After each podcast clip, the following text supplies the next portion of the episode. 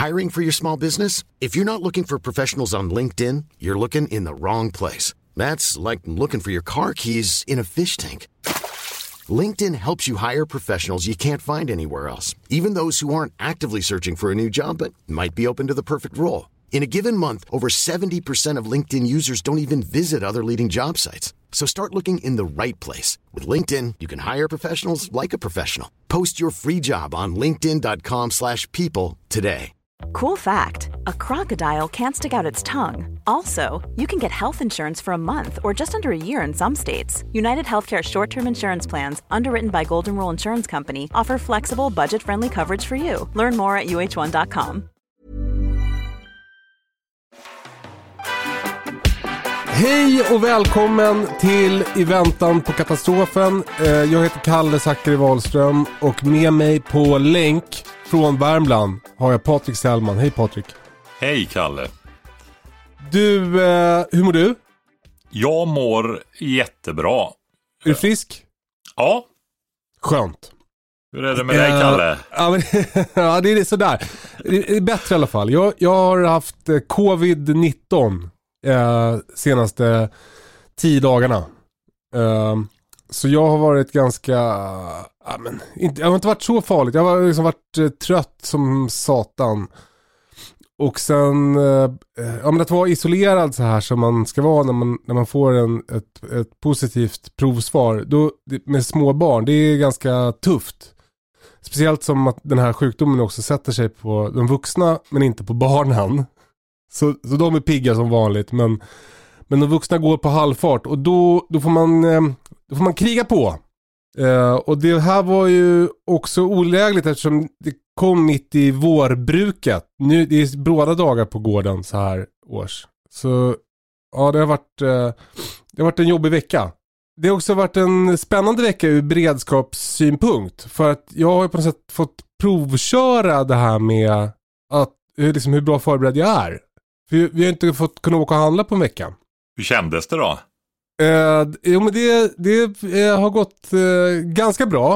Eh, det, det blir tydligt att det som tar slut först är eh, mjölk. Mm. Så där har vi en... Eh, ja det måste vi lösa på något sätt. Det, det, vi, får, vi får dåligt med mjölk snabbt. Du har ju mycket frysboxar du. Mm. Så att du kan ju ha några tiotals liter mjölk i frysboxarna som du roterar också. Okej, funkar det bra att frysa mjölk? Jajamensan. Jaha. Blir det som vanligt eller?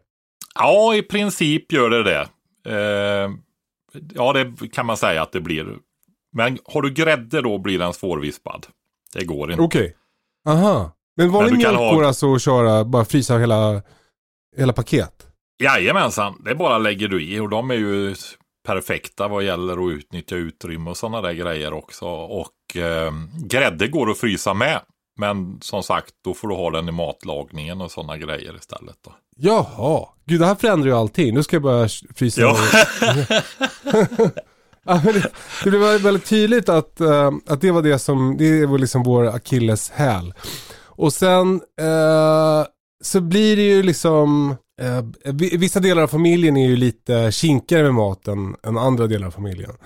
Så, så vissa delar av familjen till exempel vill ha köpebröd och det, det, det har vi ju inte haft då. Så då, då, då blir det lite gnälligt.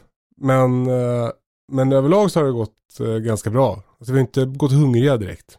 Utan Det har varit rätt lugnt. Och nu börjar vi komma på fötter så nu är vi liksom ute på andra sidan lite. Så det, det är, är väldigt skönt. Mm. Jag tänker på en grej när du berättade här nu med vårbruket och det där eftersom man har Alltså det blir ju lite Du har ju satt upp mål om att producera all mat och sånt där. Ja, Nu tappar du en vecka, det går ju, men också när man har småbarn och sådär att man får liksom inte sätta upp de här höga målen så att det blir för mycket, så att det blir tråkigt och sådär heller. Spara det till när det verkligen behövs. Ja. En, en, det är som jag säger, liksom det där vet du, att en, en säck morötter kostar inte mycket. Man dör inte liksom om man inte hinner med precis allting utan eh, ska det hålla över decennierna ett sånt här intresse så eh, får man vara lite ödmjuk där också. Va? ja. Det ska fortfarande vara roligt. Jag ser Ja. så många nämligen eftersom jag har rört mig i den här världen hela tiden. Att man sätter upp och liksom jag vet inte, hållbarhet, självhushållning, ska rädda hela världen och nu måste vi producera och det är totalt misslyckande om vi inte gör det och så vidare. Va? Du vet, då blir man ju inte eh, långvarig i det där arbetet, så är det va. Nej men det finns ju något med det här småbrukandet som är lite, alltså man, eftersom vi bara har, eh, vår odlingssäsong ser ut som den gör här i Sverige så man har ju som bara en chans med många grejer. Och, och, och därför så, man investerar mycket. Alltså jag började upp mina paprikaplantor i, i slutet på januari. Och nu är det april och de, de är ju glada liksom. Men om de skulle dö nu, då skulle det ju vara, det skulle vara supertråkigt. Jag har ändå investerat tre månader i dem. Ja, Så, ja, så är det. Du, eh, en snabb rättelse bara. Eh, vi har fått meddelande, förra, i förra veckans avsnitt så pratade vi om att det rådde brist på halvledare i världen. ja just det. Eh, och att eh, eh, du hävdade att, eller vi, du trodde att det var på grund av, Jag tyckte eh, vi var rätt ödmjuka i det där. Vi visste ju inte egentligen, men vi trodde att det kunde vara eh, störningar i logistiksystemen då. Men det är det ju inte bara och det vet vi ju om vi tänker efter. ja jag visste inte det här i alla fall. Det, jag tyckte det var superspännande. Det är någonting som heter scalpers. Alltså människor som köper upp, vad skrev han? Köper upp alla grafikkort för att kunna producera, mina kryptovaluta. Fick jag det rätt då eller? Ja, men det är bara måste- en bit. Det är ju det att det är sällsynta mineraler också. Så att det finns ju inte, om man ska hålla på med, du vet det här, koppla ihop allting på internet, kräver massa kretskort och elektronik och man ska bygga massa elbilar och batterier och allting. Så att de här mineralerna som det finns väldigt lite av, de, ehm, nej, men de det är ju brist helt enkelt också. Va? Så att det är flera faktorer då. Man Just kan nog det. säga tre, det här scalpingen som du säger, det är ju det att man minar till exempel bitcoin. Ja. Och det innebär ju egentligen att han, man hanterar all den här datan. Och så eh, de som gör det med, kräver ju väldig serverkapacitet. De som investerar i den serverkapaciteten då, de eh, får betalt i bitcoin. Mhm. Så att eh, det finns en mängd bitcoin som inte är utgivna än. Det är lite som det här med guld, att eh, man ökar mängden guld i världen med någon, en enstaka procent om året ungefär. Va? Och så det. funkar det med bitcoin också, att det är nästan en fast penningmängd. Och man vet hur många bitcoin som kommer att finnas fram i oändligheten. För att det ges ju ut mindre och mindre, för man räknar ju med att de blir värdefullare och värdefullare. Och hittills så har man ju haft relativt rätt i det där också då. Så det kallas att man minar när man tillhandahåller serverkapacitet då kan man säga. Enkelt Okej. uttryckt. Och för det behöver man en bra dator. Patrik, tror du att jag kommer att kunna leva hela mitt liv utan att eh, bry mig om att lära mig om bitcoin? Kanske, men jag tror inte, jag tror att du kommer att använda blockkedjetekniken. Eh, tror jag du kommer att göra, medvetet eller omedvetet. Tror du att jag kan gå hela livet utan att veta vad blockkedje, blockkedje, vad sa du? Ja men alltså du kan ju leva idag utan ens kunna laga mat. Så du klar, man klarar sig ju nästan utan vad som helst. Om det inte. Men det beror ju på vad du ska göra. Vill du liksom förstå saker och... Alltså, det där handlar lite grann om och, ett förhållningssätt. Va? Det är som, som slår mig som är väldigt nyfiken. Och Ja. vill lära mig saker och liksom ha kvar det där från barnet, liksom den där nyfikenheten. Det är ju, alltså världen är ju helt otroligt magisk liksom va. Mm. Alltså börjar du titta på den. Och så har vi en stor del av människor som bara tycker kräks, jag vill inte lära mig någonting, det är bara skitjobbigt. Ja, ja. Ja, och... Jag vill, alltså, jag, vill bara, jag vill bara säga, jag, jag är inte en sån människa som tycker att det är kräksjobbigt och inte vill lära mig något nytt. Men, liksom, eh, jag, jag är, dag, dagarna är bara så långa. Jag har bara så mycket liksom, eh, eh, en bränsle i motorn. Jag kan inte lära mig allt. Och just bitcoin känner jag mig sjukt ointresserad av. Ja, så kan det gå. Även denna vecka är Fröbanken sponsor utav programmet. Och eh, Ni som lyssnar nu har möjlighet att få 15% rabatt genom att använda rabattkoden katastrof. Tack Fröbanken för sponsringen även denna vecka. Apropå köpa hem frön. Ja, Så har jag köpt hem en kubik havre. ja, Eh, jag eh, brukar ju köpa vete, men nu var det slut hos eh, min bondgranne här ja, på vete. Så då fick jag köpa havre istället. Och jag har ju haft vete, dels har jag några tunnor som jag tänker att jag har som backup, långlagring av eh, kilokalorier på din inrådan. mm, Men sen har jag också, eh, jag ger det till hönsen och till vildsvinen i skogen. mm. Eh, men nu, nu har jag fått hem havre. Hur är det med havre? Är det, liksom, är det lika bra som vete att ha hemma eller vad säger du? Eh, nej, havre är inte lika bra som vete. Det finns anledningar till varför jag väljer att rekommendera vete. Och det är ju, om du tittar på havre så ser du att det är ju ett skal på. Ja.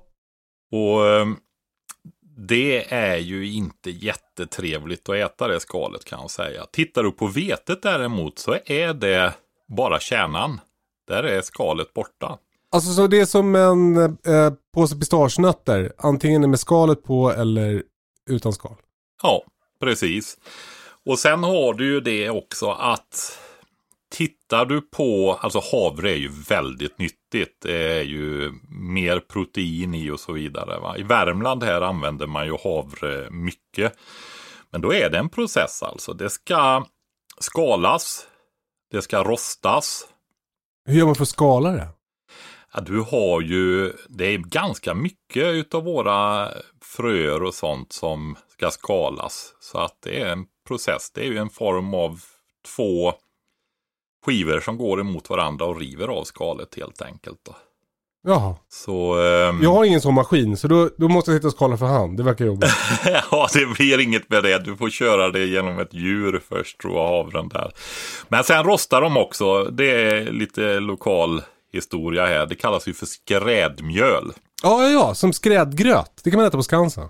Ja, nävgröt är det egentligen det heter då, om man ska använda den lokala termen för det eller regionala Värmlandstermen då. Och det är ju med väldigt lite vatten så att du får det liksom nästan som klumpar gröten så du kan äta det med handen. Va? Det är många som har ätit för att orka jobba här i Värmland skrädmjölsgröt då i form av nävgröt. Med fett, fläsk och möflöt ska det vara. vad, är, vad är flöt? Är det smörklick eller? Alltså, förr hade man ju grisar för att producera fett. Fett har ju alltid varit en bristvara för mänskligheten. Va?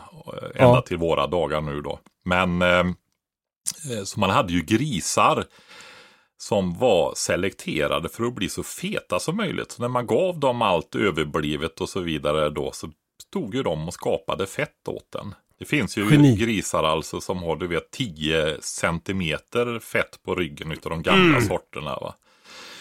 Har du ingen gammal släkting som, har, släkting som man skojar om som protesterar mot de moderna grisarna och sa, pratar om vinthundar och sådana där grejer? Nej, det har jag inte. de stod inte högt i kurs hos de äldre, vet du. Det skulle ju vara fett. Ja, men för det fettet kan du ju använda och lagra och använda till stekfett och bakfett och allting sånt också då sen. Men, men man märker ju, det finns ju som, eh, bland annat Brittas eh, mormor som, som gick bort för några år sedan. Men hon var ju alltid väldigt mycket att man skulle hålla på att ta mycket smör. Alltså Mm. det var som att hon stod, hon som hetsade en.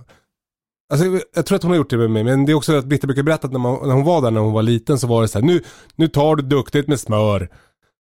För att, för att det var, hon, hon kommer väl från en tid när fett var liksom det Ja, finaste som fanns. och smör var ju väldigt fint och det är ju en smakbärare och så vidare också. Så det var ju lyxigt. Så hon ville ju liksom vara generös och kärleksfull Mm. när hon sa sådär va, såklart. Just det. Så är det. Och du vet att smör i Sverige, det var ju liksom det här som vi pratar om va. Skörda gräs, torka gräset, köra genom en idisslare, tillverka smör, salta, kunna lagra det och ha fett. 9000 kilokalorier per kilo fett. Enormt värdefullt vet du.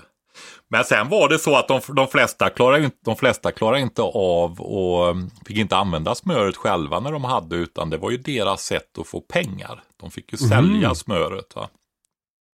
Man har sålt smöret och tappat pengarna. Precis, precis. För att återgå till mitt havre.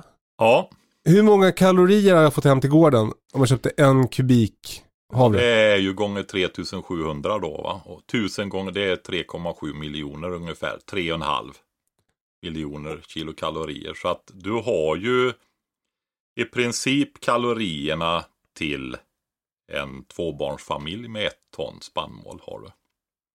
Om, jag nu, om det skulle nu liksom, eh, den elektromagnetiska pulsen slår till imorgon, Ja. eh, folk börjar äta upp varandra inne i Stockholm. Vad, hur ska jag göra för att min familj ska kunna tillgodogöra sig här, den här havren? Mm. Jag har ingen maskin som kan skala det tyvärr. Nej, alltså det är hellre än att svälta får man ju äta det då. Men du har ju dina djur så att du kan ju köra det genom djuren. Men då har du ju förluster. För Ja. det mesta av energin går ju åt för djuret att leva. Just det. Så är det va. Men du får ju mer näringsämnen och sånt genom att äta ägg och, och så. Men sen brukar man ge vete till fåglar också. Om man har... eh, eh, be- Nej, men det är bättre att ge vete just till hönor och fåglar och sånt då. Än havre. Havre det är till hästar så de ska orka arbeta hårt. Va? Är det Ja. dåligt att ge det till hönsen? Nej, det är det inte, men det är inte lika bra som vete. Är det, inte. Nej. det går att ge till hönsen också. Men vad du får göra helt enkelt är ju att rosta det. Värma upp det på plåtar. Du får ju tvätta det först såklart. Så här Mm, gör man med, även med eh, vete. Om du eh, har helt vete och inte har kvarnar och sådana saker. Eh, du tvättar det. Sköljer runt det ordentligt. Jag vet inte, har ni sett sådana här spannmålshögar som ligger? Jag tror att man hanterar spannmålen lite bättre idag. Men det kan ligga hemma hos bönder. Det springer råttor i det. Fåglar skyndar sig dit, skiter i det. Alla sådana här grejer va. Jag tror att det ser bättre ut det här som jag har köpt. Men, men, men man tänker att det borde vara möss där i alla fall. Ja, ja, men så är det. Och det gäller ju när du köper bönor och fröer och sånt överhuvudtaget. Va?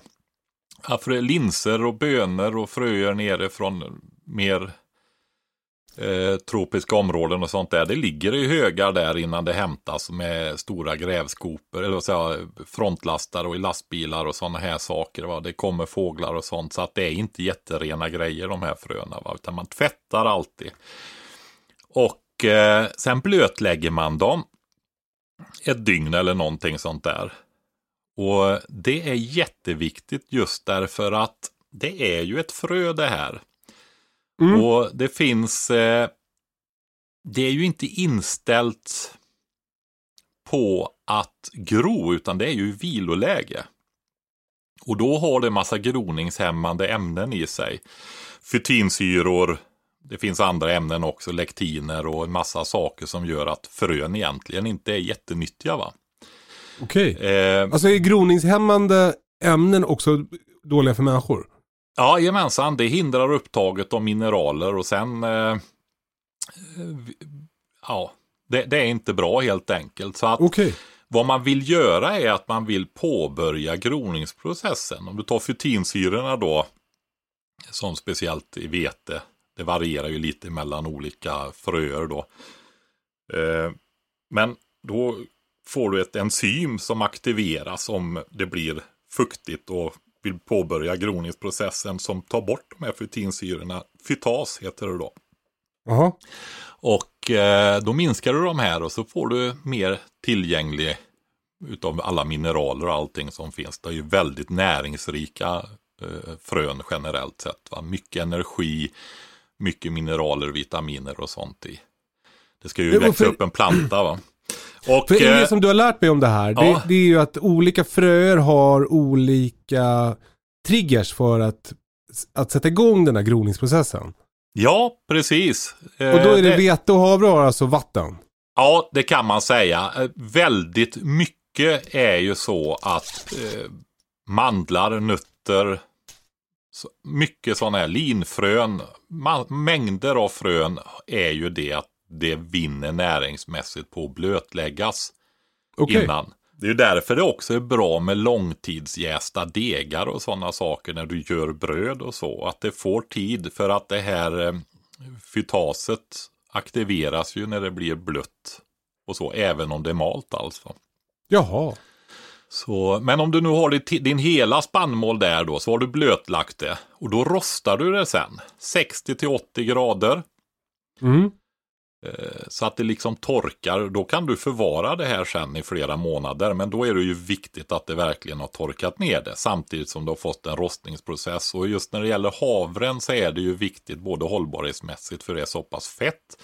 Men också för att inte det ska, när du krossar det eller om du till och med maler det.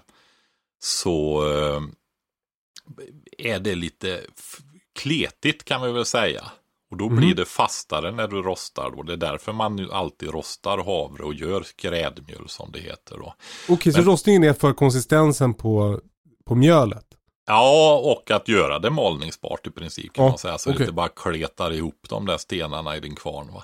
Men sen när det gäller vete då så det, det blir ju också i, i havre. Men eh, det är framförallt vanligast i vete när man gör samma process, tvättar, blötlägger och sen brer ut på en plåt och rostar i ugnen då 60 till 80 grader ett, i alla fall ett par timmar. Och eh, det ska ju bli torrt va, så att det beror ju på hur tjockt du har lagt och så vidare och du får röra om i det här och sånt där. Men det är en process som kallas för dextrinering och det är att det sker en omvandling också inne i kärnan utav stärkelse till dextrin då som är ett socker. Du vet om du smakar på mjöl, Ja. det, det, det är inte jättegott va, det är inte det. Nej. Nej. Men om du gör ett bröd, Ja. då, då blir det mycket sötare va. Ja. Ja, det är ju samma processer helt enkelt. Att det om blir eh, dextrinerat helt enkelt. Okej. Och krossar du då sånt vete och eh, ja, hur du nu gör då med om du har en kvarn eller om du är mortel eller om man har, får göra som de gjorde på stenåldern, sätta sig med en platt sten och en rund sten och mala på stenen. Mhm. Eh, och så gör du molinogröt på det där sen då. Vad är det? Ja, det är ju gröt gjord på Grahamsmjöl. Det kommer du Okej. ihåg. Att det var helt fullkornsvete det. Just det. Och så har man lite russin och lite olika saker i också då. Men så även mitt vete måste jag rosta innan jag kan mala det? Nej, det behöver du inte göra däremot. Men det måste Nähä, vara... jag missuppfattat. Ja, du måste inte göra det, men däremot så får du ju... ehm, du ska ju tvätta det innan du använder det gärna. Va? Men jag ska också säga det att du kan ju torka det också. Du får ju titta hur det är, om du som kan ha koll på detta när du skaffar vete. Köper du direkt av bönder så får du ju kolla hur det är förvarat och hanterat och så vidare. Och köper du helt vete på säckar ifrån ehm, ja, grossister och distributörer och så vidare så, och det är avsett för människor då så får du ju räkna med att det är rent. va. De har ju otroligt fina sorteringsmaskiner och sånt sen och sen värmer du ju upp det också då. Va? Just det. Ehm, så att det är ju inget farligt då när du bakar det eller gör gröt eller vad du gör för någonting med det då. Men eh, det är just om du ska göra gröt och du får det ju mer lättsmält och mineraler och sånt blir mer eh, lättillgängligt om du gör gröt av det också sen då. Du har dextrinerat det då. Va? Det är en förädlingsprocess. Överhuvudtaget sånt där, alltså jag har ju raljerat lite grann över det där att "Åh, folk kan inte ens laga mat nu för tiden. va. Nej. Eh, det har jag väl sagt ett antal gånger misstänker Ja. jag. Och Ja. det där är ju mer sant rent generellt. För även de som kan laga mat är inte jättebra på det längre. Eh, och det beror, vad jag ska försöka knyta ihop det här på ett sätt utan att vi tappar alla lyssnare nu. Jag vill bara säga, alla kan ju inte vara gifta med en hemkunskapslärare. Ja, men grejen är att det, man ser inte så på mat längre, så det gäller ju henne också till viss del alltså. Men hon har ju mer, vi har ju hållit på med sånt här och så, hon har ju mer kunskaper av det. Eh, men eh, det som man eh, kan tänka sig så här när det gäller traditionell matlagning, alltså hur man har gjort historiskt, så har man ju använt olika metoder hela tiden för att göra de här livsmedlen så nyttiga som möjligt. Och man kan om man vill se att det måste ju ha varit en selektion på det, att de som hade rätt och bra metoder, de klarade sig bättre när man är på marginalen. Liv och död, svält och så vidare. Va? Och det är alla de här gamla långkoken, blötläggningarna, fermenteringsprocesserna och alltihopa det här som finns i, i den traditionella matlagningen. Och jag vill rekommendera en bok som mm. eh, just handlar om det här. Kul. Och eh, den heter Nourishing Traditions, närande traditioner på engelska.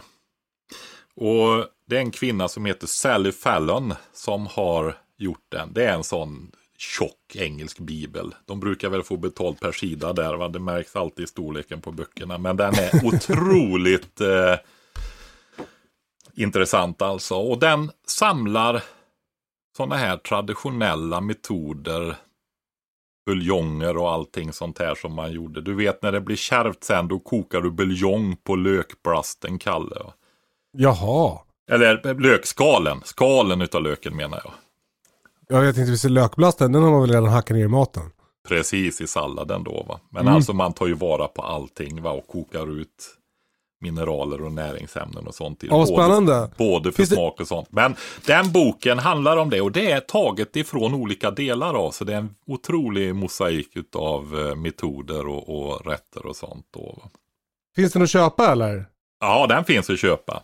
Den finns, det är, de har ju det engelska utbudet även på Bokus och Adlibris och Akademibokhandeln och sånt också nu. Så att det är bara Nourishing Traditions, Sally Fallon. Så den kan jag verkligen rekommendera. Men, ja, men just, just det här att um, kunna bearbeta de här fina livsmedlen. Ja men du vet, vi, vi tar ju bara våra linfrön och strör dem över den här yoghurten och så ska det vara så nyttigt. va. Och ehm, det behövs ju beredas och förberedas maten för att vi ska kunna ta upp näringsämnena, för att det inte ska belasta immunförsvar, matsmältning och så hårt och sånt. Va? Ta frukt om vi äter, jo, det är också intressant det här med småbrukandet, alltså alla bären, frukterna och alltihopa det här. Det är ju lätt att tänka sig att de är ju gjorda för att bli uppätna. Ja. Har du hört talas om det här att det växer väldigt mycket tomater ute på reningsverken? Nej, gör det Ja, det gjorde det förr i alla fall. Jag vet inte om man har andra metoder nu, men liksom du får ju det här fasta avfallet då där. Och det är ju det att folk äter tomater och tomatfröna går ju igenom tarmkanalen och så går det ut i avloppssystemen och ut på till reningsverken och gror där ute. Ja, oh, coolt. Och det skojar de ju om det här med äpplen också, att det är lite svårgrott med äpplekärnor då, äpplefrön. Och eh, det måste först gå genom en komage för att gro. Ja. Och eh, det är väl inte helt sant, men eh, då är det så här att äpplena är ju inte attraktiva för djuren att äta förrän frukten är mogen, för då är kärnorna mogna, då vill frukten bli uppäten. va? Ah, så den, när den är sur och kartig, då är fröna inte klara. Så därför är de äckliga då. Precis, och då skyddar eh, växten sina frukter med att inte vara nyttiga på samma sätt och att inte smaka gott. Va? Jag hade ju en finsk spets. Hon var otroligt mycket instinkt. Hon var inte speciellt smart men alltså så ett riktigt vilddjur som valde att bo i våran familj kan man nästan säga. Va? Det alltså till er som lyssnar som inte vet, det är en hundras. Ja just det, en finsk oh. spets ja. Oh. en träskällare. Exakt. Eh, hon var ju så här vet du, att när hon gick till krusbär, hon älskade mogna krusbär. Men det var ju taggar på busken också. Va? Ja. Men hon kunde liksom, hon gick och luktade på krusbären och så gick hon därifrån. Och så gick hon tillbaka och luktade och då var de mogna. Och då kunde hon liksom med försiktigt bland taggarna där pilla loss det krusbäret och äta upp det. va. Mm. Det roliga var att när hon blev äldre, en gammal tant sen, va? då gick hon ju till krusbärsbusken och luktade. Men så var det, det var så jäkla besvärligt med taggarna så då skällde hon och ropade på oss att vi skulle komma och plocka åt henne istället. Men det är typiskt, hon hade den där instinkten. Va? Nej, det här ska inte ätas än. Och har du tänkt på det att du går och tittar på dina körsbär eller vinbär och sånt där och nu är de snart mogna. De är där, buskarna är helt fulla och så ska du gå ner och kolla så är alla bären borta för då har fåglarna väntat tills de är mogna. Va? Ja. Tänk dig då när vi i affären köper de här som ska hålla under transporterna. Tomaterna är nästan gröna när de skördas och så vidare. Va? Ja, det, det, är sätt, det gör ju något med smaken. Ja, det är ju så. Så, så det är just det här att kunna odla bär och frukter och sånt. Alltså kan man inte ha något annat, det är ju så lättodlat också. Så får man bara igång det, det tar lite tid, så kan du ju välja olika bär och frukter så att du kan gå hela, bara gå ut i trädgården med barnen hela säsongen, liksom äta bär efterhand som de mognar. Va? Gott. Så det ska rekommendera jag verkligen som någonting då. Mm, det var det. Eh, jag tänkte det där med fröna. Eh, Ja. Du, har vi pratat om det där med att man behöver behandla och det går att studera och lära sig jättemycket runt omkring det där hur man, hur man ska göra då. Eh, men du tog också upp det här med eh, som nycklar. Du sa att jag hade berättat det för dig. Eh, och jag tänkte jag kan nämna det också så att man är medveten om det. Speciellt om man vidgar sitt odlande lite utanför de här vanligaste grönsakerna och det. För då Ja. kan du få sådana här saker som att ett frö måste veta att det har varit vinter. Det är som ett kodlås alltså. Eh, Mm. Alltså det det måste- här är eh, för att ett frö ska gro. Ja, så måste det ha varit kallt. Det kallas att det behöver stratifieras fröet då. Va? Och hur gör man då? Fryser det? Ja, det kan vara antingen att du sår på en ogräsfri plats ute på hösten. Eller i kruka eller någonting med plantjord då för att hålla det. Eller också att du har det i någon sån här eh, vermikulit eller någonting som är fuktat i en plastpåse i kylskåpet eller i frysen eller någonting. Men det, det finns en mängd olika och det får man titta på respektive frö vilken, vilken metod det är. Men det kan behövas stratifiering och eh, det gäller till exempel äpplena och sånt också då. Och där kan de även vara så här att de är programmerade olika just för att sprida riskerna. va. Om ett trä släpper sin frukt så kan det ju vara så att det blir ett väldigt dåligt år året efter Mm lockas igång men sen blir det torka och de här små plantorna dör. Va? Mm. Så därför så har de ofta strategier att eh, det kan vara, groningen kan vara utspridd över flera år. Det är ju en av anledningarna till exempel när det gäller äpplen det är att, eh, att de inte gror så lätt. Va? Det kan vara så att de ska gro om två eller tre år istället. Då. Att det är programmerat i, i fröet? Ja, precis. Jaha, coolt. Jag ska ha en vinter innan jag gror och den här bredvid ska ha två år innan den gror och sen kan det vara någon som kanske till och med har ett tredje år då. Så, eh, så är det. Och sen har du de som är ljusgroende. Ja, det är många som är.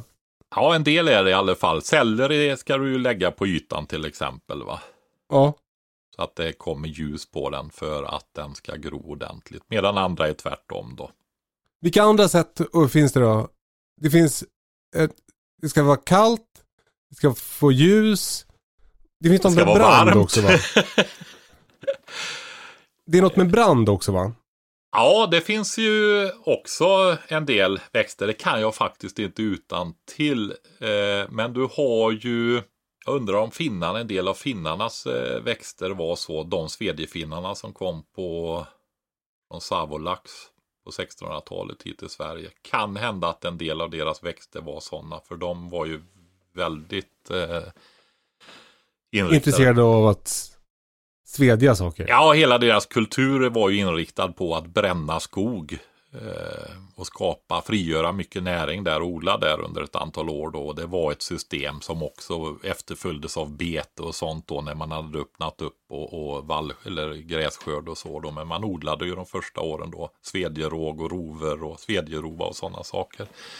Men, men jag kan för lite detaljer runt omkring det där då. Verkligen, det hör jag.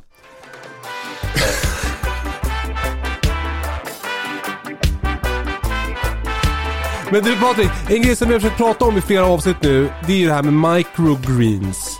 Ja, Eh, och det har ju det här, det är ju lite eh, liksom på temat med fröer. Så, så berätta nu, vad är mikrogrönt?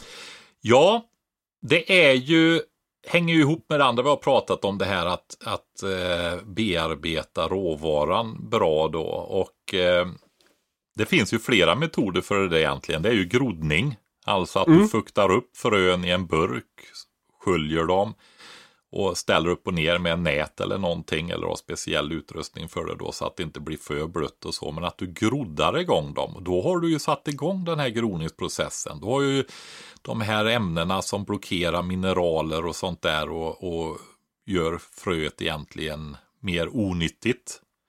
Inte lika nyttigt i alla fall, men jag skulle nog säga att det är onyttiga aspekter på det också då, vad som kroppen får kämpa med om du äter det ogroddat eller inte blötlagt och sånt där. Men groddat, då frigörs ju och samtidigt så omvandlas ämnen så att det liksom ökar näringsinnehållet i, i de processerna. Den metamorfosen som blir när ett frö ska bli en levande organism. Ja, ett frö är också en levande organism, men växa upp till en växt då.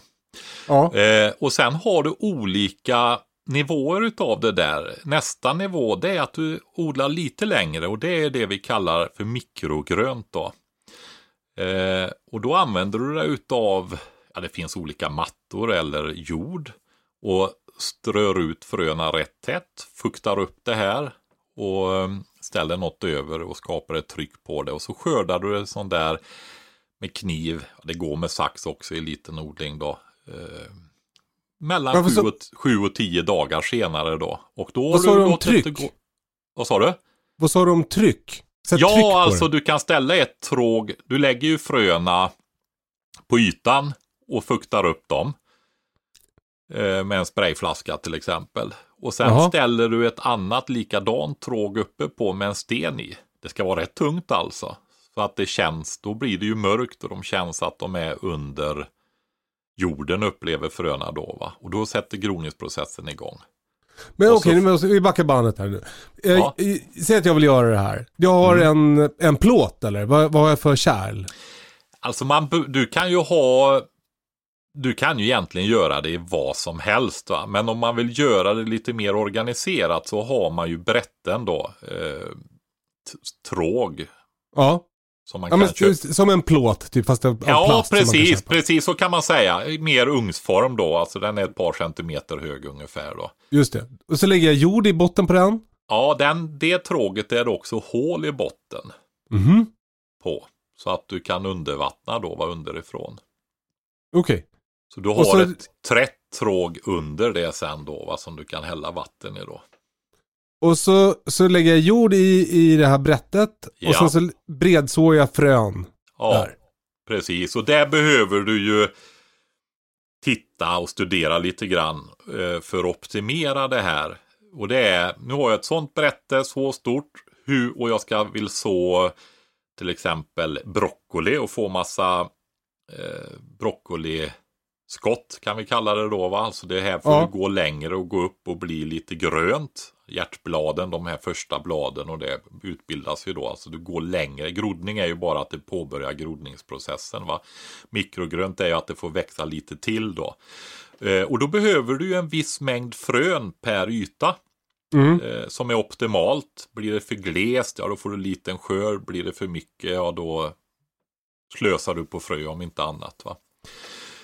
Så där behöver man titta då. Och eh, ja, det som är viktigt när det gäller den här typen. Har du hört talas om det här ibland som kommer med när man köper groddar och mikrogrönt och sånt i affären? Att det dras tillbaka eller att någon har blivit sjuk eller sånt där. Nej. Det har du aldrig hört talas om? Nej. Nej, men det är ju det här med frön, möss, råttor, fåglar och sånt där. Jaha. Du har ju hört att man, eh, salmonella till exempel, har du hört talas om med kycklingar och sånt i alla fall va? Ja, ja, det har jag hört om. Ja, skönt. Ja. Det är bara att jag har inte en bevakning i min telefon så att den plingar till varje gång det skrivs en nyhetsartikel om groddar som du har. Nej, jag har ju inte det, men jag har ju hållit på med sånt här i väldigt länge, höll jag på Ja. att säga. Du vet, jag låg och studerade sånt där redan i 12-13 års åldern. Jag känner ju igen mig väldigt mycket i den här eh, Ferdinand på julafton. Patrik, ska du inte gå ut och leka med de andra barnen? Nej, jag sitter hellre här och studerar kryptovaluta och grodning. Ja, kryptovalutor fanns ju inte då va? Men du, vad sa du? Man kan bli sjuk av groddar? Ja, precis. Och eh, därför när man ska hålla på med det här då och, in, och vill äta det färskt. Va? För att där finns ju också det här att du har nyttiga enzymer och olika saker och de fördärvas ju vid uppvärmning. Alltså det är ju för och nackdelar med allting. Mm. Så är det. Eh, men då finns det kontrollerat utsäde som eh, är testat så att det inte det är sjukdomsbakterier av olika saker. Jag kommer inte ihåg alla de här sjukdomarna, men det är framförallt en fyra, fem stycken som det är risk för i det här. Och det är, vill man hålla på med det, vilket jag rekommenderar, speciellt om man bor i ja, trängre omständigheter som lägenheter och sånt där så är ju det här perfekt att hålla på med. Och det är ju också någonting som man kan hålla på med på vintern. Ja, för det, det är en grej som jag har tänkt på. Jag börjar känna lite i, typ i kroppen hur, hur jag saknar, eh, alltså eftersom jag håller på att envisas med att jag ska, att jag bara ska äta grejer som jag har, har gjort själv. Ja, Det börjar bli ganska, man börjar bli ganska sugen på grönsaker nu. ja du Alltså, det- menar det, mer grönt?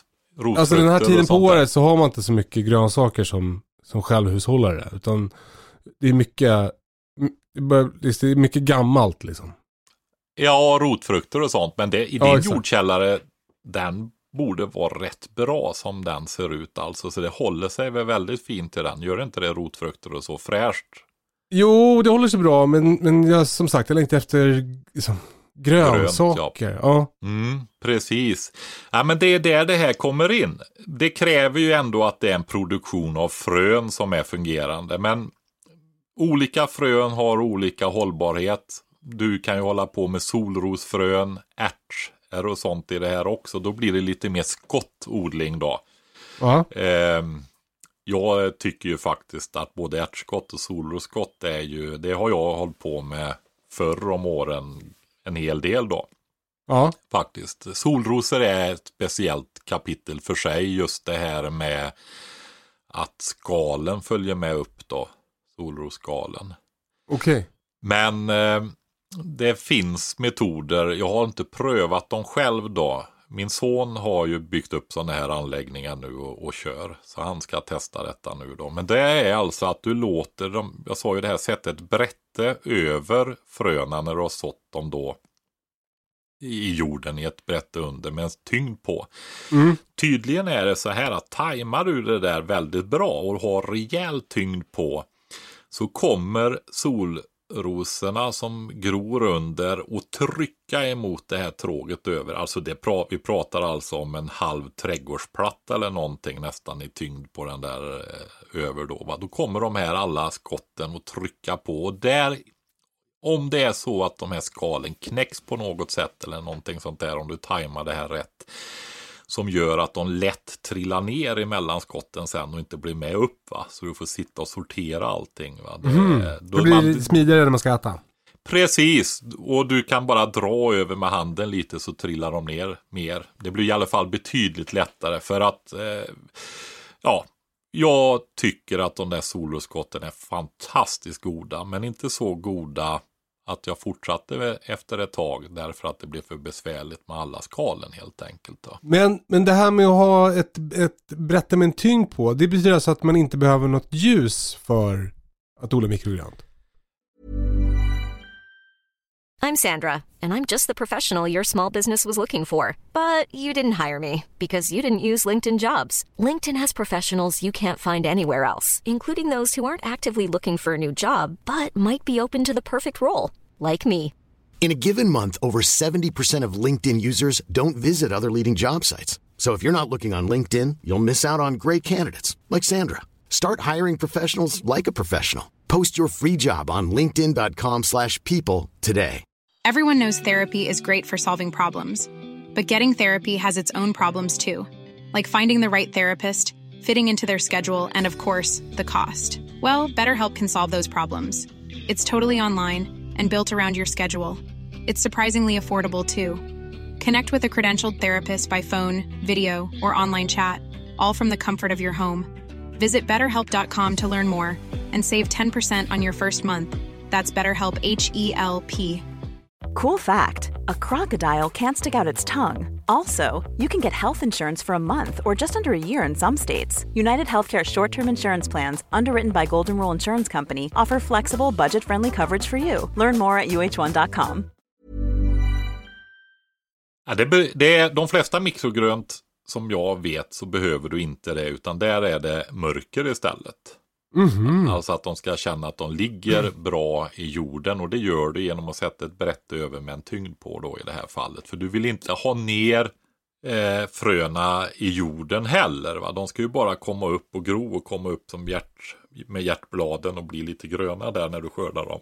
Efter en vecka jag- ungefär. Alltså nu, nu eh, kanske jag har fattat fel, men jag tror att det var ljus som gjorde att det blev grönt. Jo, men alltså du tar ju bort den här tyngden när det har grott. Då. Du vill ju få igång groningen och sen lyfter du av tyngden då. Va? Och då behöver jag ljus. Ja, precis. Det behöver ju, det är ju det som är, alla växter behöver ju ljus. Ja. Det är ju det som är deras grej. Ja men exakt, att de kan ta solljus och göra om det till energi. Ja, och byggdelar och använda till allting då. Det är ju det här med koldioxid och vatten. Så, så om man ska bygga ett sånt här mikrogrönshyllsystem hemma, då behöver man ha lampor för att det ska funka. Om du ska göra det systematiskt i lite större skala så att du liksom kan eh, ha fri tillgång själv och lite gå bort presenter och så vidare så eh, skulle jag nog kosta på mig att bygga en hylla med lite LED-lysrör med dagsljus, temperatur. Det här är intressant Patrik att du säger LED-lysrör, för när jag byggde mitt hyllsystem för ett och ett halvt år sedan, då, då rådde du mig att ha, köpa vanliga lysrör. Ja, alltså du, det spelar ingen roll. De är ju dyrare LED-lysrören. Just så du kan ju ha gamla lysrörsarmaturer också. Men ska du köpa nya grejer och kosta på så ta det. Speciellt om man bygger större hyllsystem. Därför att eh, du får ju ner energiförbrukningen med LED-lysrören om du har jättemycket LED-lysrör. Och det Ja. betyder också att du får ner temperaturen. Alltså om du kör 40 en och en halv meters eller om du har två större hyllor, 120 centimeters hyllor eller en och en halv meters hyllor eller hur mycket du har. Då är du nästan uppe så du kan börja sälja sånt där. Men Ja, eh, om man vill ha ordentlig för plantuppdragning och sånt där också då så kan det vara bra att ha någon sån där ordentlig hylla då. Om man ändå gör det. Då alstras det ju en del värme med den där energin. Så där kan det vara värdefullt att få ner. I ditt garage däremot så gör det ju faktiskt ingenting om det alstras lite värme utav armaturen heller. Va? det som skulle vara bra om det inte så mycket värme skulle, eh, skulle vara att katterna skulle hålla sig borta från hyllorna. För de gillar ju att ligga där nu för det är så varmt och mysigt. Lägger sig på Ja, mina plantor. Var det inte en katt som lyckades trycka ner ett helt stort tråg fullt i Jo. planter? Ett sånt där Jajamän. 120 bevattningstråg. Jajamän. Så det var ju synd, då fick man ju börja om. Men det verkar bli purjolök och stjälkselleri även i år. Men Ja. du, okej nu kommer vi få tusen frågor om det här. Eh, För det får jag hela tiden. Man kan ju ha vanliga jävla lysrör. När man bygger ett sånt här hyllsystem. Jajamensan. Helt vanliga jävla lysrör. Har du någon köpte- gammal lysrörsarmatur eller två så använd det. Eh, Precis. det- Ska du köpa och- nytt så köp LED. Ja, och vill du bara prova på det i liten skala, kör i köksfönstret för guds skull. I eh, krukor eller vad som helst och, och eh, experimentera. Processen är densamma. De här fröna gror ju ändå om man gör rätt. Va? Så att eh, det går att göra väldigt, väldigt enkelt om man bara vill experimentera. Men det som är roligt också då just med fröbanken, det är att de har ett jättebrett sortiment utav sådana här kontrollerade fröer. Eh, och det är samma sak där. Det finns ärtor, det finns solrosor, det finns broccoli, rädisor och enorma mängder med olika grejer att prova då. Och det gör så, eh, skulle jag säga, att man köper de här kontrollerade. Jag vet inte hur stora riskerna är att det ska vara eh, sådana här bakterier och grejer i. Men man ska inte chansa. Va? Det är bättre att betala lite mer för kontrollerade ärtor än att köpa ärtor i, i butiken. Va? De i Eh, butiken är gjorda för att kokas och ja, kan vara infekterade med bakterier då. Va? Hur stor risken är det vet jag inte, men eh, jag, jag köper eh, kontrollerade fröer om jag gör sådana här saker. Kan, eh, kan jag gro eh, vete? Ja, det kan man göra. Blir det vetegräs då? Ja, det, och då får du ju ha en vetegräspress och göra sådana här vetegrässhots. ja, det, det vet jag inte om jag, men okej. Vad, vad, vad är en vetegräspress? Alltså, du tar ju det här vetegräset Ja. och så eh, kör du det igenom en sån här press och får ut en, en juice kan vi säga då, Mhm. vätskan i de här gräsen då. Det ska tydligen vara, alltså i råfodrörelsen så är ju det där, det är ju liksom livselixiret där va. Ann. Wig, Ann Wigmore som började med det, hon höll på med fermentering, jag kommer inte ihåg vad det heter riktigt, men de fermenterade det här vetegräset med. Vet du. Det, ja, det Det kan man prova. göra. Då, då lägger jag bara, då tar jag ett tråg och sen lägger jag eh, fuktig jord och sen vete på den jorden. Ja, du kan eh, tvätta, tvätta vetet först också då, Ja. ordentligt. Funkar det med havre också eller? Det har inte tillämpats på samma sätt. Jag har inte experimenterat och hållit på med det där speciellt mycket, utan jag är bara lite orienterad på området då. Ja, jag är inte så förtjust i gräs. där, du kan berätta, Kalle, sen hur det går med det där. Ja det ska jag göra. Kul! Då har jag ett projekt.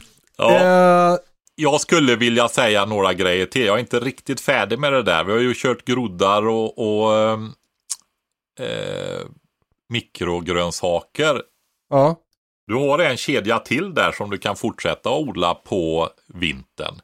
Jaha. Och det är småblad Ja! istället. Och nästan samma process, men eh, du kan eh, strö lite jord över fröna och så vidare och att du har fröna lite glesare i dina tråg eller krukor. Därför att nu ska du låta dem växa lite längre. Och då skördar du ju sen de här salladsbladen, rucolabladen, spenatbladen och det här som du kan köpa svindyrt i de här Alltså dyrt, det kostar att producera det här så de är ju inte dyra men det kostar mycket pengar så vill jag nog säga istället. De Alltså det är på sig babyspenat du pratar om. Ja, precis va. Och det är spännande ur ett beredskaps och småbrukar självhushållarperspektiv verkligen. Och det är ju också de här fröna som finns, eh, vanliga fröna som du har hos frö, bland annat fröbanken då. Och eh, spenat är så otroligt bra på så många sätt. Just det här att du kan odla det året runt inne i brätten, krukor och det är ju väldigt rikt på vitaminer alltså. De som har lyssnat på alla program kommer ihåg det här matkalkylsidan där man kunde sortera livsmedel på näringstäthet och sånt där och så var det bara massa lever och leverrätter och leverpastej och kött och sånt i början som innehöll väldigt många olika och ägg och sånt där. Va? Men så finns det några grönsaker där uppe och spenat är ju en av dem. Grönkål, ja, eh, av olika slag och sånt är ju också väldigt eh, och det man menar med att de är näringstäta det är att de utav de 19 vanligaste näringsämnena så eh, tillgodoser de minst 10 procent. Om du tar 100 gram av det här livsmedlet i, eh, så tillgodoser det minst 10 procent av ett antal av de näringsämnena. Jag tror spenat ligger på 10-11 stycken alltså. Snabb matte gör att om man äter ett kilo så får man 100%. Ja, på det som är lägst. Men sen har de ju väldigt högt av vissa också. Bland annat så har du ju de här vitaminerna, A-vitamin, C-vitamin och de här finns ju där. Va? Eh, Jag odlar ju spenat nu i Ja. mitt växthus. Eh, Ja.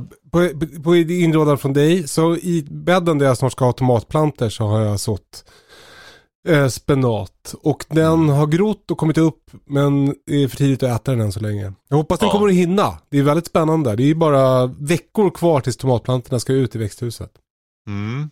Men du gjorde väl som jag sa Att du la pinnar eller stenar eller något där du ska sätta tomatplantorna.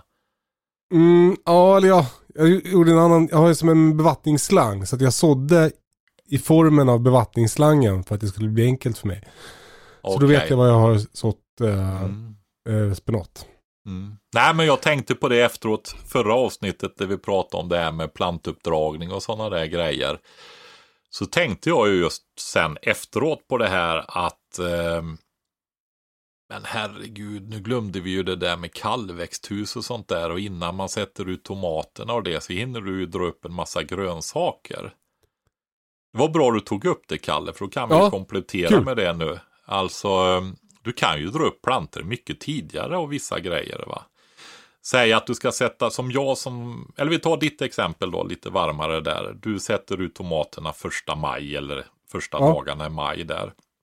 Ja men då kan du två månader innan, ofta vid runt första mars då. I mitt fall så är det ju 15 maj och 15 mars istället.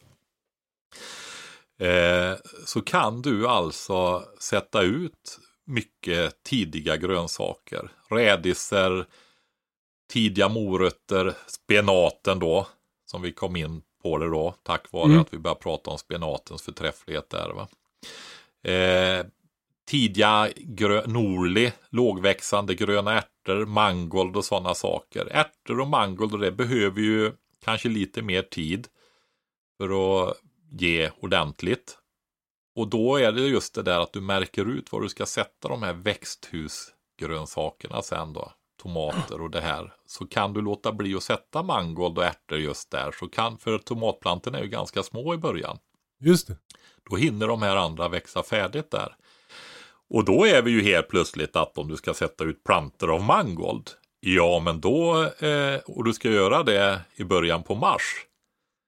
Ja, men då drar du ju upp mangoldplantor i början på februari. Så de är fyra veckor när du sätter ut dem i, i växthuset. Så att man kan hålla på med pla planter väldigt mycket fram och tillbaka. Och sen har du ju också att du kan dra upp en omgång planter senare under sommaren för att ersätta och sätta ut där du har skördat tidigare grönsaker och sånt. Eh, men sen spenat, tillbaka till spenaten.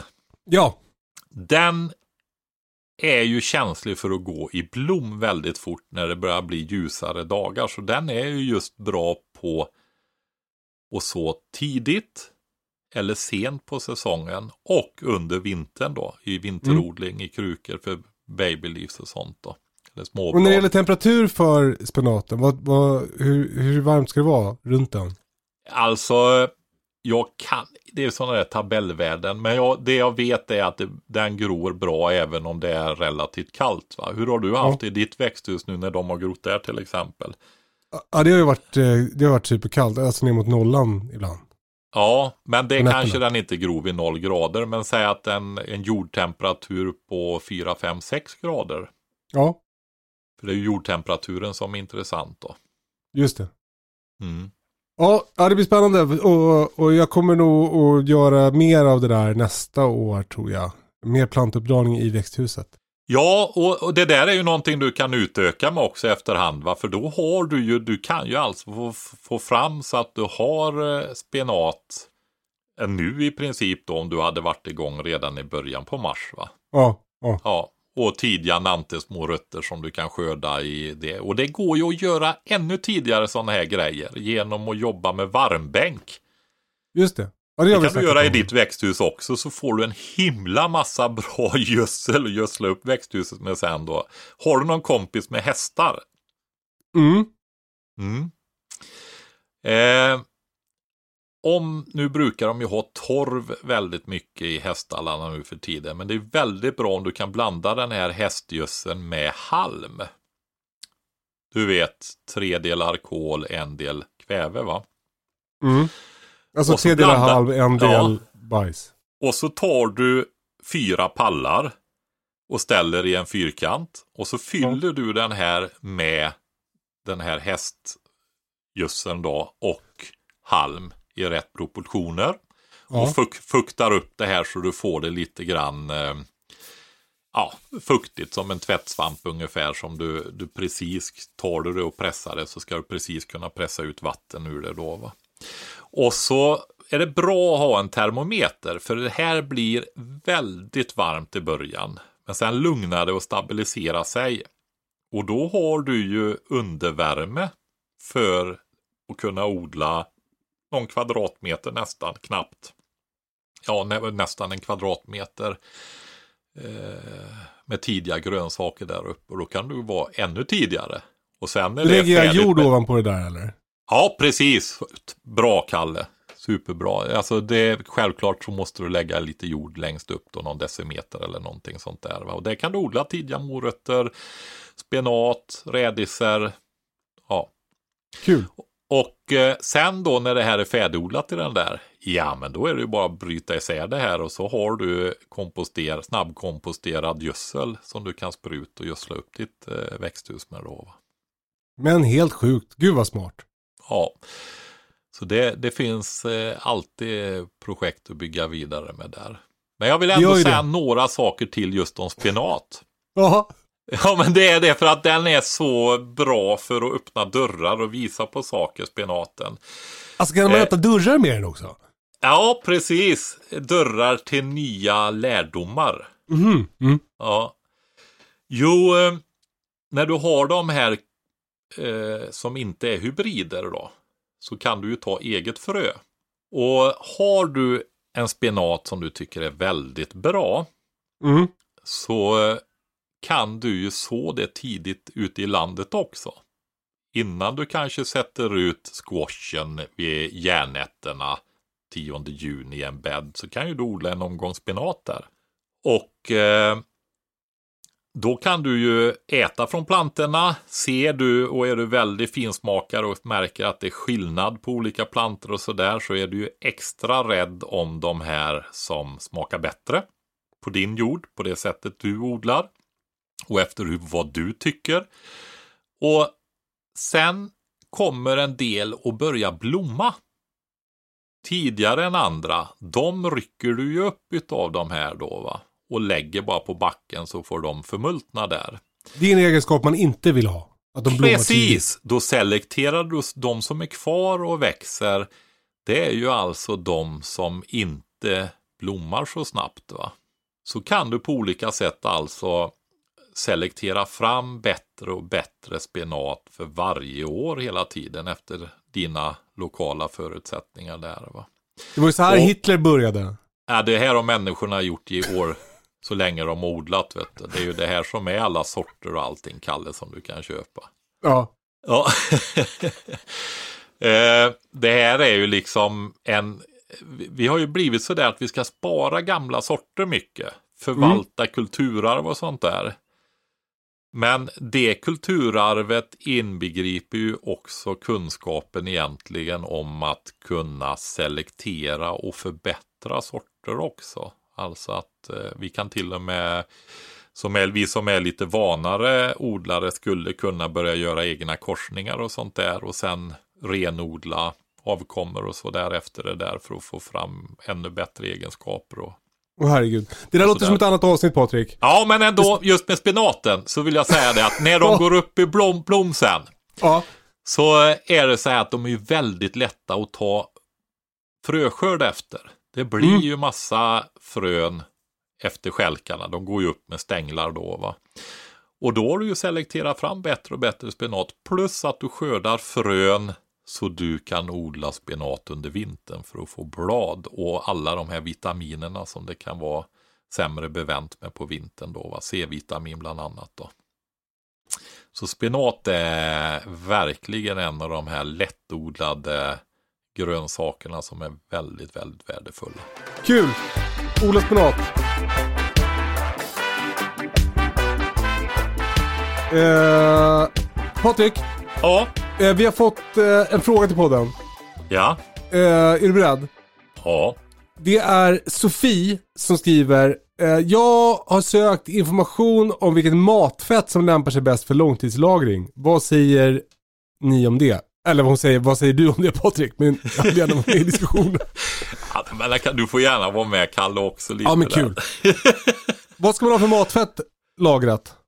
Eh, alltså det är ju så här att du har två, framförallt två stycken nedbrytningsprocesser på fett. Och det är ju eh, syrenedbrytning då, alltså härskningsprocess i form av syre. Och då är det ju så att de fleromättade och de omättade fetterna, alltså då ofta de flytande fetterna då, de reagerar ju lättare. De, de kallas ju omättade just därför att de har tomma platser och därför reagerar lättare med luften då. Mhm. Eh, och, eh, så att mättade fetter är hållbarare. Och det är ju de som ofta är fasta i rumstemperatur. Då. Smör, kokos, ister och sådana här grejer. Då. Kokosolja bland annat. Va? Mhm.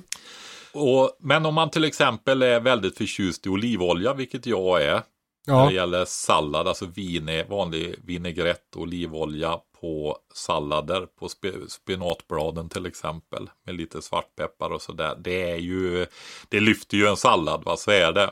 Så är det.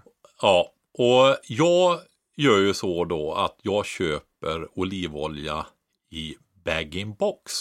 Okej. Och sen förvarar jag dem i mitt skafferi som är kallt stor del av året då. Ett Mm. kallt skafferi. Det går ju med svalar eller kylskåp också då såklart. Och, eh, Och i mitt fall skulle jag ju- jordkällaren eller? Ja, men jag tror det skulle gå bra i jordkällaren också. Ja. Du har ju en annan fuktighet och så där då, men det här är ju en sån sluten behållare och den andas nog inte jättemycket den plasten. Och det. Så det, jag tror det skulle gå bra. Det är definitivt värt ett försök i alla fall. Ja. Och då är det ju så att då stelnar ju olivoljan också. Så man får ju ta fram en sån där bag-in-box och ställa på diskbänken ett tag då så den får upp lite temperatur. Och då häller jag över det i en flaska som jag har inne i köket. I rumstemperatur så att den ska vara fint flytande. Just det. Bredvid äppelcidervinägerflaskan. Ja. Och då är det ju så i bag-in-boxen. Dels är det ju kallt. Kallt har vi pratat om flera gånger när det gäller lagringen. Det stannar ju upp, bromsar ju upp kemiska processer och det gäller även det här sönderfallet då. Ehm, ja, jag sa det här med syre, härskning då, men sen har du faktiskt ett vanligt sönderfall också. Eh, som är en härskningsprocess också, att fettet delar på sig helt enkelt. Det kan man Mhm. säga tillhör den här entropin termodynamikens andra lag där det ska bli lägre och lägre energinivå, att saker trillar isär och, och går sönder helt enkelt. Eh, så är det. Men, och i och med att det är bag-in-box då så kommer det ju, då skrumpnar ju den här plast, det är ju en kartong, en bag-in-box och sen är det ju en plastpåse i. Och när Mm. du då tappar ut med den här kranen som ser ut precis på en vin bag-in-box då som jag tror många känner till, så skrumpnar ju påsen ihop. Det kommer det. ju inte in massa luft. Har du en Nej. flaska eller någonting och häller ur olivoljan, ja, då eh, kommer du in luft va. Och då får du in det här syret och får den här härskningsprocessen och reaktionen och sämre hållbarhet då. Va? Så att eh, både kallt och syrefritt då. Så får du längre hållbarhet på olivoljan. Hur stor är en sån här bag-in-box?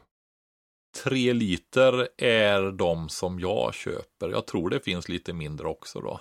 Hur många har du? Jag brukar nog ha två stycken. Två, tre stycken brukar jag ha. Ja. Det kommer ta slut efter ett år. Ja, det gör det. Så att eh, olivolja är ju någonting speciellt eh, om du tänker i, i den här eh, när katastrofen står för dörren där så är ju Mm. olivolja något som kommer att vara en lyx under en period då. Va? Så är Mm. det ju. Ja, för den håller sig helt enkelt inte längre än så. Alltså du kan säkert pressa det där lite grann till då med olika, ja, oöppnade förpackningar och, och svalt och sånt där då. Det, det kanske går att göra det och att det är tillräckligt gott att, att äta ändå. Jag, jag har faktiskt inte eh, gått hela vägen till att det blir jättedåligt faktiskt. Eh, Okej, det är olivolja, men, men du pratar om de här eh, hårda fetterna. Alltså Ja, de som är bättre helt enkelt då va. Eh, och då har det ju med eh, längden på fettmolekyler och sånt där att göra med hållbarhet också. Om vi tar som smör och kokosolja. De är ju lite kortare. Eh, ganska mycket av fettet är tillhör de kortaste syramolekylerna då. Jag tror smöroljan då, smörfettet där bara är 4 kolatomer lång medan många andra är 16, 17, 18 långa va. Ja, jag har inte räknat mina. Nej, men, men det är olika typer då och eh, smör är just den utav de där som råkar ut för att det sönderdelas och så blir det smörsyra. Jaha. Det hällde Det- någon ut i fläktsystemet på min eh, högstadieskola. Ja, Alltså det luktar kräks i hela skolan. Ja, precis. Det, Ja. det blir inte så gott smör då när det har härsknat med det här och bildat smörsyra då. Va? Ja. Det är inte farligt, men det är ju inte aptitligt då. Så är det. Så man behöver ju inte... Tycker man inte att smöret är gott så behöver man kanske inte äta det om det inte handlar om svältsituation då. Och eh, så man behöver inte hålla på och vara orolig liksom. Botulinum och sånt där trivs inte i eh, normalsaltat smör och sånt där. Då det är inte deras miljö. Okej. Utan det är de här härskningsprocesserna då som, som är. Och då, då, då är det inte farligt. Och det som är begränsningen är att du inte vill äta det helt enkelt. För det luktar och smakar illa helt enkelt. Men nu fattar jag fattar inte riktigt för du säger, säger du nu att sådana här hårda fetter håller sig längre än Ja, olivolja? För det, jag tycker, jag, om jag sk- skulle gissa då tänker jag att smör blir dåligt innan olivolja blir dålig. nej, Va? det gör det inte. Smör har väldigt lång hållbarhet om du förvarar det svalt och skyddat ifrån luft i sina förpackningar och sånt där då. Och sen kan du ju göra en, alltså jag, jag har ju 10 till 20 kilo smör hemma. Jaha. Det är en viktig del av vårat eh, beredskapslager då.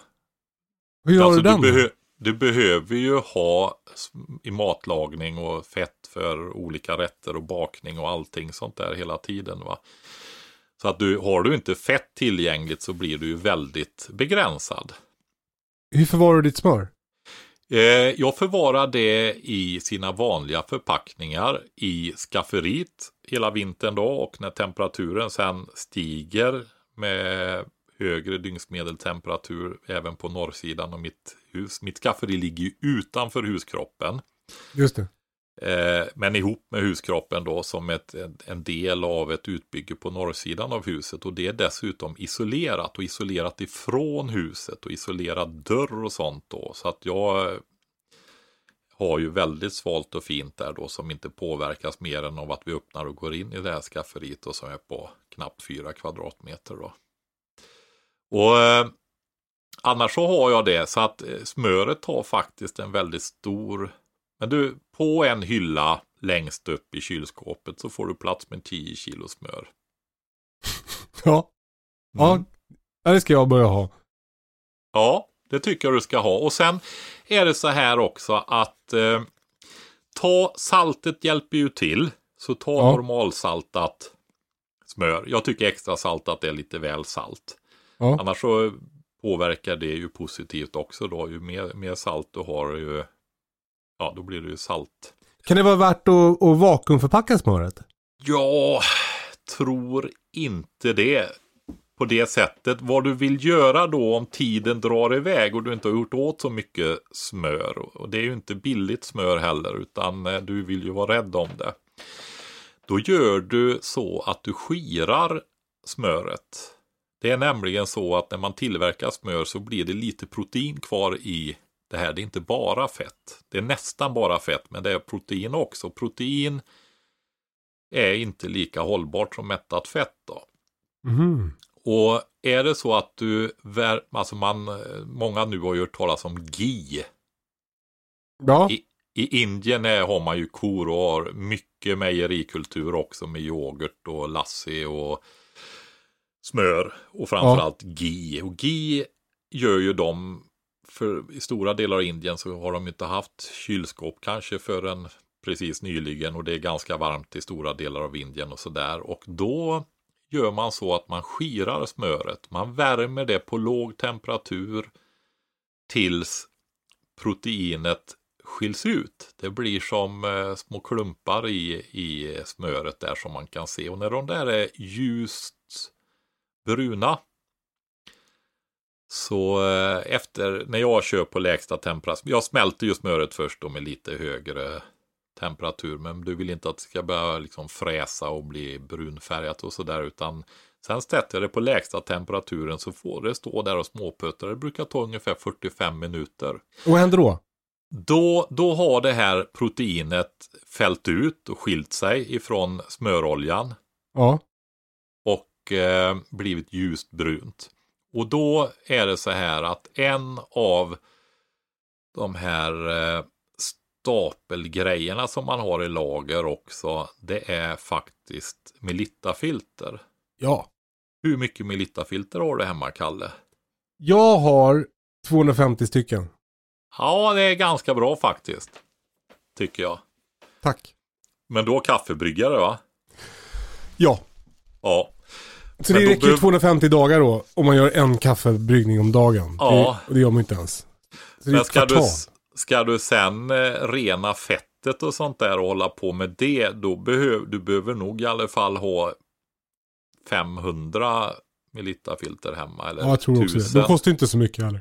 Nej, precis. Och det är inte så lätt att ersätta dem. Det du har som alternativ det är ju olika sildukar då. Va? Men eh, Melitta-filter är faktiskt väldigt värdefullt just när man kommer in på sådana här grejer. Och det är även om du har djur och ska ta vara på fett och sånt så är det väldigt bra när du värmer upp och renar fett och så kunna köra igenom Melitta-filter då. Och det gör du med det här skirade smöret då. Då fångar du upp det här proteinet och ut kommer den rena smöroljan då med de fettsyrorna i en honungsburk, Kalle. Okej. Och då är det jättevarmt där. Och Ja. då skruvar du ju på locket. Och då vet ju vi vad som händer. Ja, Det blir vakuum. precis. Sen när det svalnar så blir det ett undertryck där inne.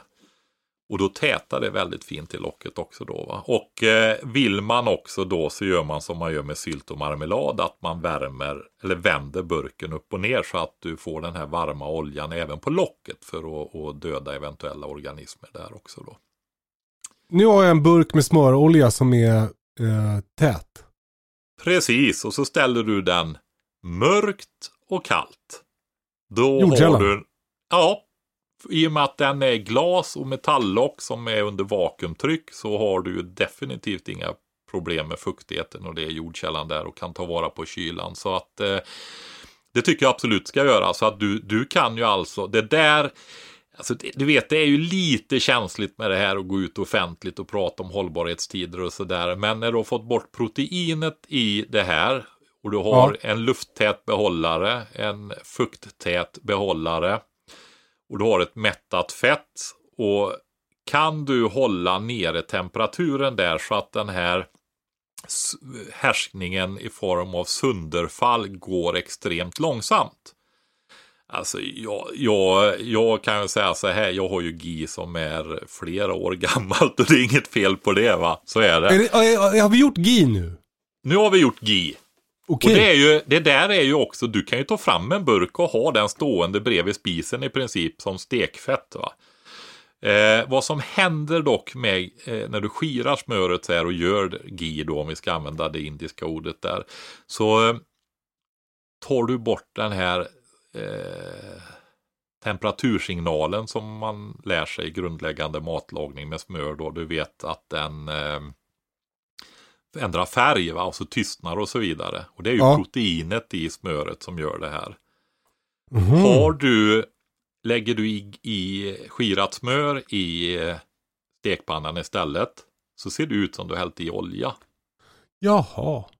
Men då får jag ge ett, det tips där. Det är ju det här. Alltså om man är, älskar smörpoppade popcorn. Mm. Alltså det är ju, gillar man popcorn då är ju smörpoppade popcorn det godaste som finns va. Och eh, kruxet är ju det här att smör tål inte det här proteinet och så. Det bränns och det blir svartprickigt och så. Det är svårt att få till det. Så många väljer att inte använda smör istället. Men gör du skirat smör och, och smälter det där i och poppar i skirat smör så får du liksom den här underbara smörsmaken och inget bränt protein. För det har du filtrerat bort i ditt Melitta-filter tidigare va. Gud vad smart. Ja, testa det om ni gillar popcorn. Och det, ja, det är helt suveränt då.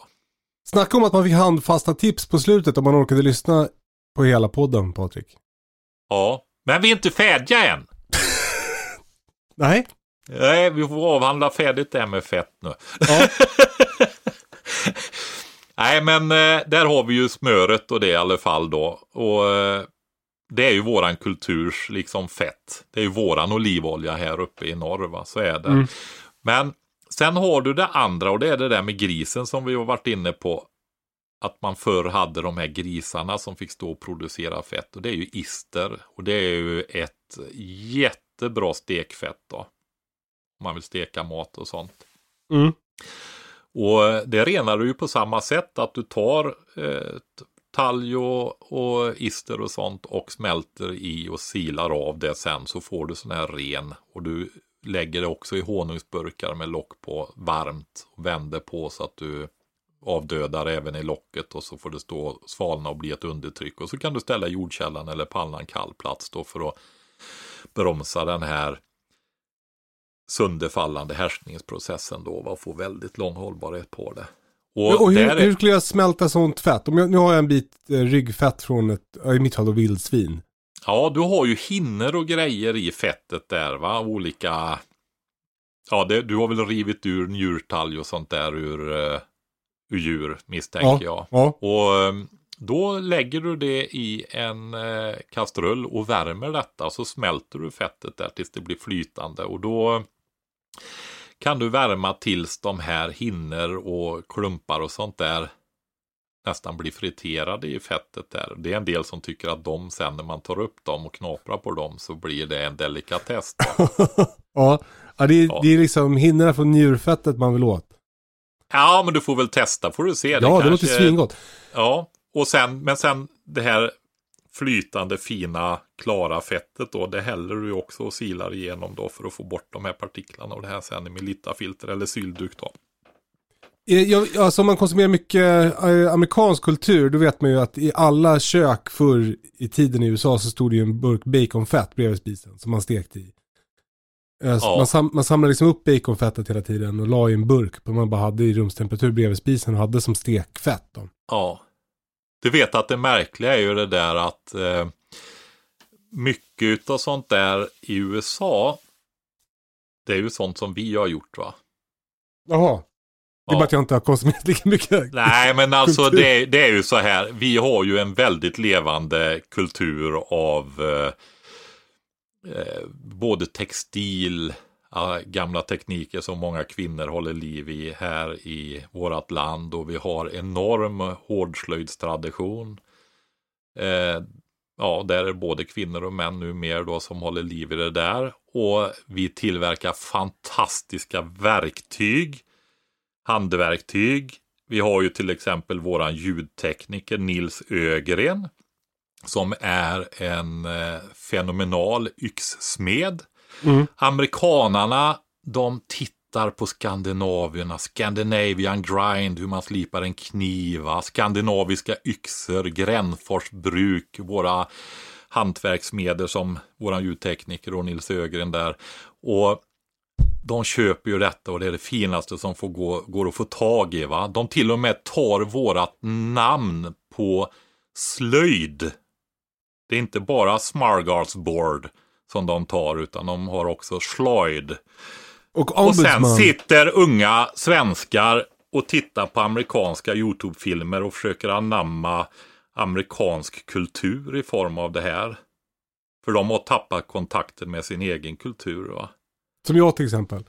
Som trodde att baconfett var en amerikansk du har ju levt här och det har ju liksom varit en sånt skeende under ganska många decennier nu. Va? Men eh, så är det. Det finns en väldig tradition eh, utav olika saker. Och mejerikultur, alltså det finns hur mycket som helst i det här landet då. Som eh, vi är duktiga på. Och, Och det är tur det. För Ja. det ska nämligen bli flera avsnitt av den här podden. Du eh, Patrik, idag har vi lärt oss göra mikrogrönt. Det ska jag börja med direkt. Jag ska genast börja dra upp vetegräs och göra vetegrässhots. För att jag är lite som en hälsokosttant ibland. ja. Eh, och, ja det var väl det. Eh, Jo, och så ska men jag också också- smör. vi får ju frågor om det här med lägenhet och vad kan jag göra och så vidare. Och det är verkligen det vi har pratat om idag. Odla i små kärl. Grodda mikrogrönt, småblad. Du kan gå vidare, odla i krukor, och ha kryddor, odla salladshuvuden. Little Gem såg jag att Fröbanken hade också. Ja, den har jag odlat. Ja, en romanasallad som går upp som, ja, en del vet ju vad salladskål är. Och det här ser ut som ett avlångt, eh, litet salladskålshuvud kan vi säga då. Va? Jag, det, är en, det är min favoritsallad faktiskt. Jag odlar mycket Little Gem då. Mm. Så sånt går att odla i kruka i lägenheter och på balkonger och allt möjligt då i fönster. Man behöver inte ha några dyra utrustningar. Kanske inte går i de mörkaste delarna av landet, mörkaste tiden på året, men, men en stor del av året så går det alldeles utmärkt att göra det. Då. Kul, nu blir man peppad. Mm. Eh, följ oss på Instagram i väntan på katastrofen. Skicka frågor om ni vill. Vad vet jag? Ha det så bra och eh, sätt igång att ta tag i något den här veckan så hörs vi sen. Ha det så bra. Puss och kram. Mm. Tack och hej, särskilt till Fröbanken som sponsrade avsnittet. Hej då! Hej då!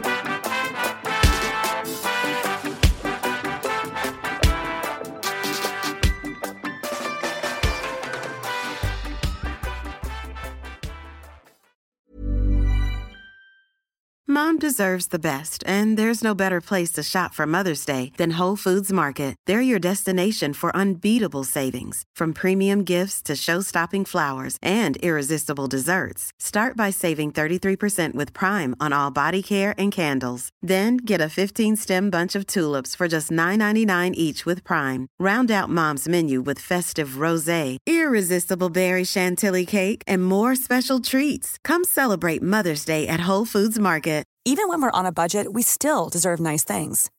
Quince is a place to scoop up stunning high-end goods for 50 to 80% less than similar brands.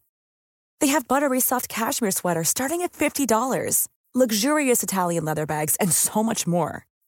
Plus, Quince only works with factories that use safe, ethical, and responsible manufacturing. Get the high-end goods you'll love without the high price tag with Quince. Go to quince.com/style for free shipping and 365-day returns.